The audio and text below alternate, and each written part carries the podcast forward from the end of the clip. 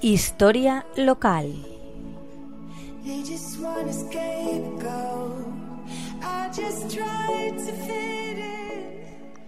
Buenas tardes, amigos de la Tegua Radio. ¿Cómo lleváis este tiempo de otoño? Hoy voy a contaros una historia, pero de Madrid, que como sabéis es mi otro lugar de residencia y por tanto sus acontecimientos van ligados a mi quehacer cotidiano. Esta cotidianeidad pasa por visitar alguna de las innumerables exposiciones que tenemos a nuestro alcance, y voy a hablaros de la que he visitado en estos días y me ha resultado muy curiosa. Este año se celebra el 150 aniversario del primer tranvía de Madrid. Se puso en marcha en 1871 y comunicaba la calle Serrano con Cibeles y Sol, llegando hasta la calle Princesa. Funcionaba con sistema de tracción de sangre, o sea, con dos mulas en llano y cuatro cuesta arriba, y se desplazaba a 12 kilómetros por hora. En ese año había 24 coches y 120 caballerías. Cada coche tenía capacidad para 16 personas en el interior y 8 en el techo, en el tranvía llamado La Imperial. Los viajeros eran ciudadanos de clase acomodada, ya que el billete costaba dos reales.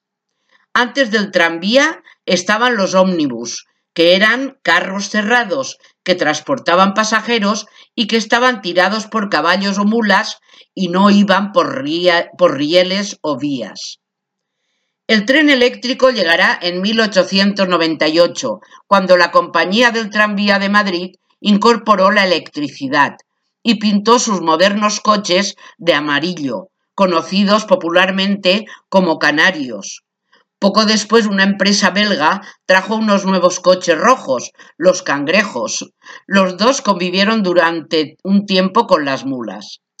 La electrificación de los tranvías supuso un gran reto, ya que se tuvo que rehacer toda la red tranviaria, dotar a los carriles de electricidad, instalar líneas eléctricas aéreas en las calles, formar a los conductores y mecánicos. Un desafío técnico y económico para aquella época que permitieron en gran medida convertirse o convertir a Madrid en la ciudad en lo que hoy conocemos. A principios del siglo XX, la ciudad llegó a la cifra de 600.000 habitantes y se llega a los 200 millones de viajeros en un solo año. El tranvía se convirtió en el transporte por excelencia, debido a sus frecuencias y su conexión con todos los barrios. Sin embargo, los límites municipales no paraban de crecer y la intensa actividad inmobiliaria fue desarrollando nuevos barrios. Este ritmo tan alto de crecimiento desbordó a las líneas de tranvías, que no eran capaces de recoger toda esa demanda de la población, por lo que comenzó a buscarse otra alternativa como el autobús o el metro.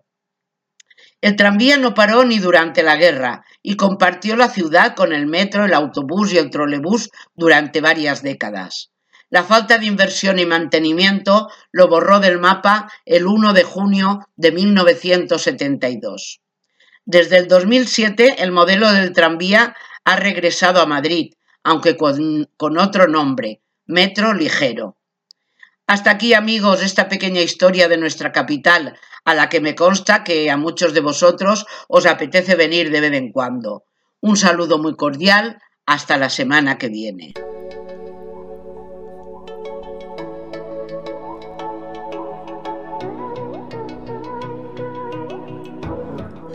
Historia local.